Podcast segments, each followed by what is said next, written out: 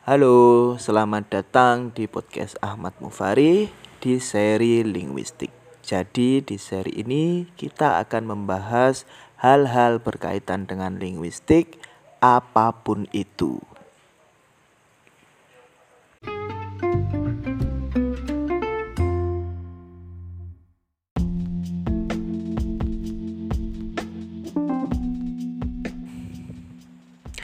Halo, selamat malam teman-teman. Kembali lagi kita akan mempelajari tentang hal-hal yang berkaitan dengan linguistik. Ke, karena kemarin kita sudah mempelajari tentang linguistik dan keilmiahannya, kemudian juga tentang apa sih itu bahasa. Hari ini kita akan mempelajari tentang unsur-unsur bahasa.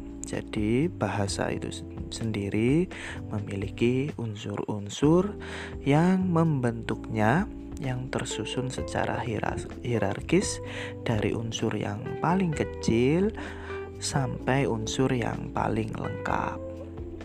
Oke, kita mulai saja. Unsur yang pertama namanya font atau bunyi bahasa. Jadi, kalau dalam bahasa Indonesia ada bunyi vokal misalnya ada juga bunyi konsonan kayak gitu. Di setiap bahasa juga ada bahasa Arab misalnya ada font vokal ada font konsonan. Ilmu yang mempelajari tentang font ini namanya ilmu fonetik seperti itu. Kemudian uh, unsur kedua namanya fonem Fonem itu bunyi bahasa atau enaknya font yang membedakan makna. Jadi font yang digunakan di dalam ujaran dan kemudian dia membedakan makna antara ujaran satu dengan ujaran yang lain atau lebih enaknya kata satu dengan kata yang lain. Contohnya, misalnya kalau kita ngomong buku dan bulu di sana ada perbeda, satu perbedaan font yaitu atau maaf satu perbedaan fonem. Ada keh ada el. Jadi keh dan el itu kita bisa menyebutnya sebagai fonem karena dua bunyi itu membedakan makna kata buku dan makna kata bulu. Ilmu yang mempelajari tentang fonem ini namanya ilmu fonologi Lanjut, yang ketiga yaitu unsur bahasa namanya morfem. Morfem itu adalah satuan bahasa terkecil yang bermakna. Jadi dia tidak lagi membedakan makna tetapi bermakna. Contohnya apa? Kalau kata buku tadi dan kata bulu tadi dia kan memiliki makna, maka dia bisa kita sebut sebagai morfem. Uh, morfem disebut satuan bahasa terkecil yang bermakna karena apabila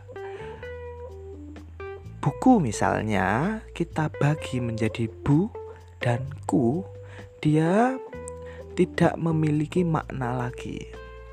Misalnya bu itu tidak bisa merepresentasikan referen buku atau ku sendiri itu tidak bisa merep merepresentasikan referen buku. Jadi dia harus tergabung untuk membentuk makna buku itu. Makanya dia disebut satuan bahasa terkecil yang bermakna. Ilmu yang mempelajarinya adalah morfologi. Kemudian di dalam morfologi juga mempelajari tentang uh, unsur bahasa yaitu kata kata itu sendiri adalah e, morfem bebas seperti buku dan bulu itu atau gabungan dari beberapa morfem seperti itu. Jadi apa sih bedanya kata dan morfem itu? Kalau morfem dia adalah satuan terkecil. Tetapi kalau kata dia bukan satuan terkecil. Contohnya, kalau ada kata di bawah dalam bahasa Indonesia, dia tidak terkecil karena kita bisa membagi antara morfem di dan morfem bawah. Nah, kita tahu bahwasanya satuan terkecilnya adalah morfem. Jadi, kata memungkinkan dia terdiri dari dua morfem atau lebih. Seperti itu. Kata ini juga di, dipelajari di dalam ilmu mor morfologi.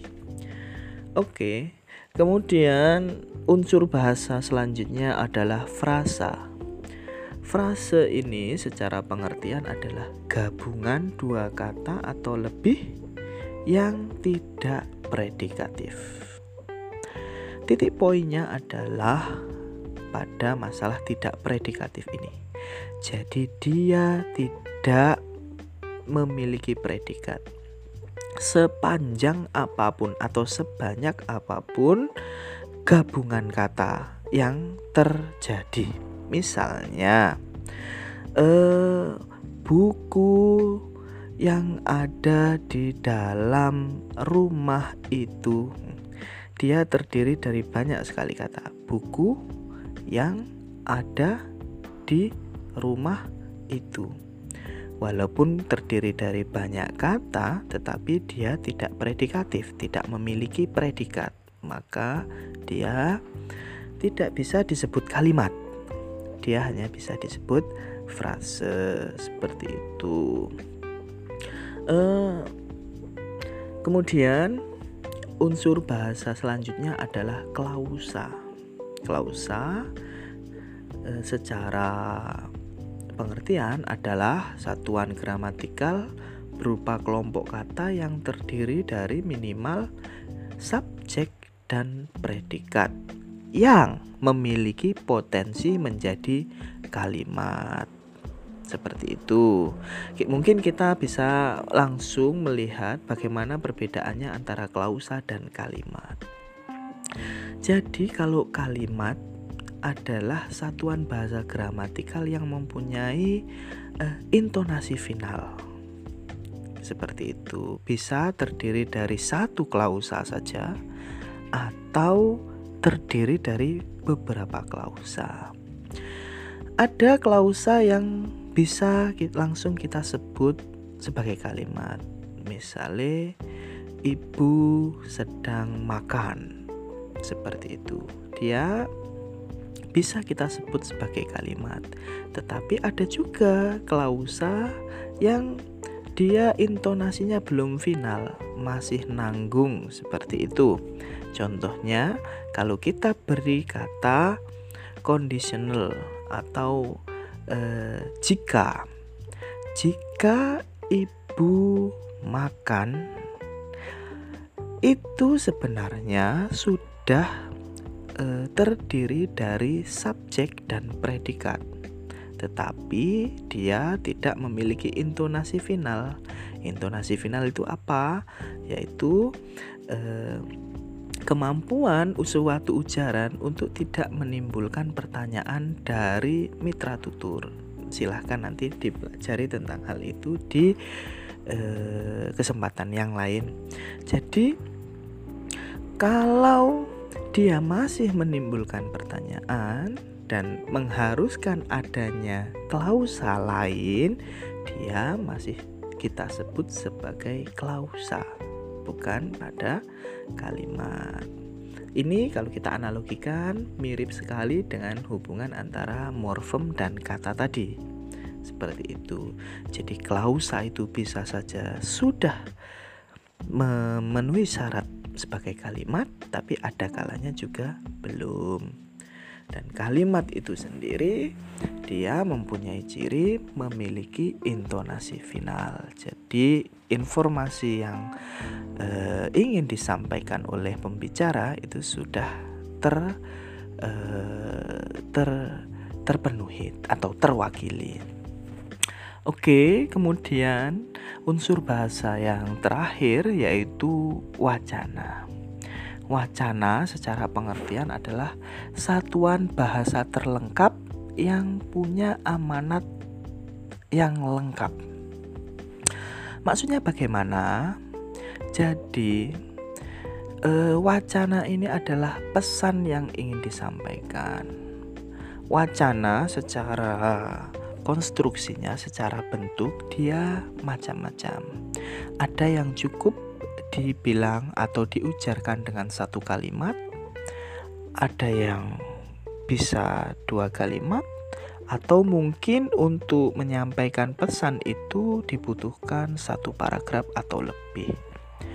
Contoh, misalnya ketika kita ingin mengatakan "aku cinta kamu", misalnya, ada orang yang menggunakan e, cara "aku cinta kamu" begitu saja secara langsung, atau ada orang yang memiliki e, kecenderungan menggunakan kalimat yang e, melambai-lambai atau banyak sekali misalnya jika matahari terbit dan lain-lain seperti itu.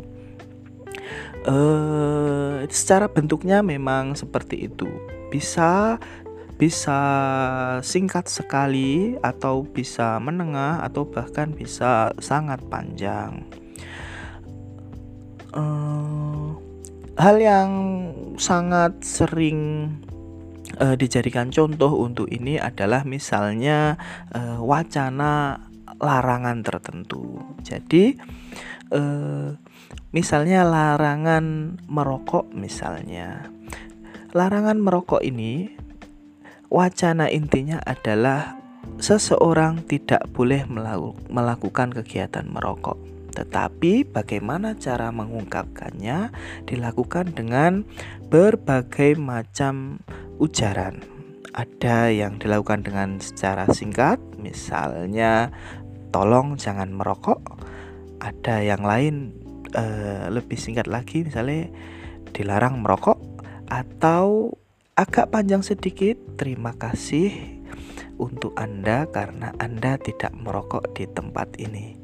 Jadi seperti itu wacana. Jadi wacana dia uh, merupakan satuan bahasa yang terlengkap yang men merangkum semua unsur-unsur bahasa yang ada di bawahnya itu menurut saya uh, mungkin hal ini yang bisa saya bagikan seputar unsur-unsur bahasa sampai ketemu kapan-kapan di hal-hal berkaitan dengan linguistik selanjutnya. Terima kasih.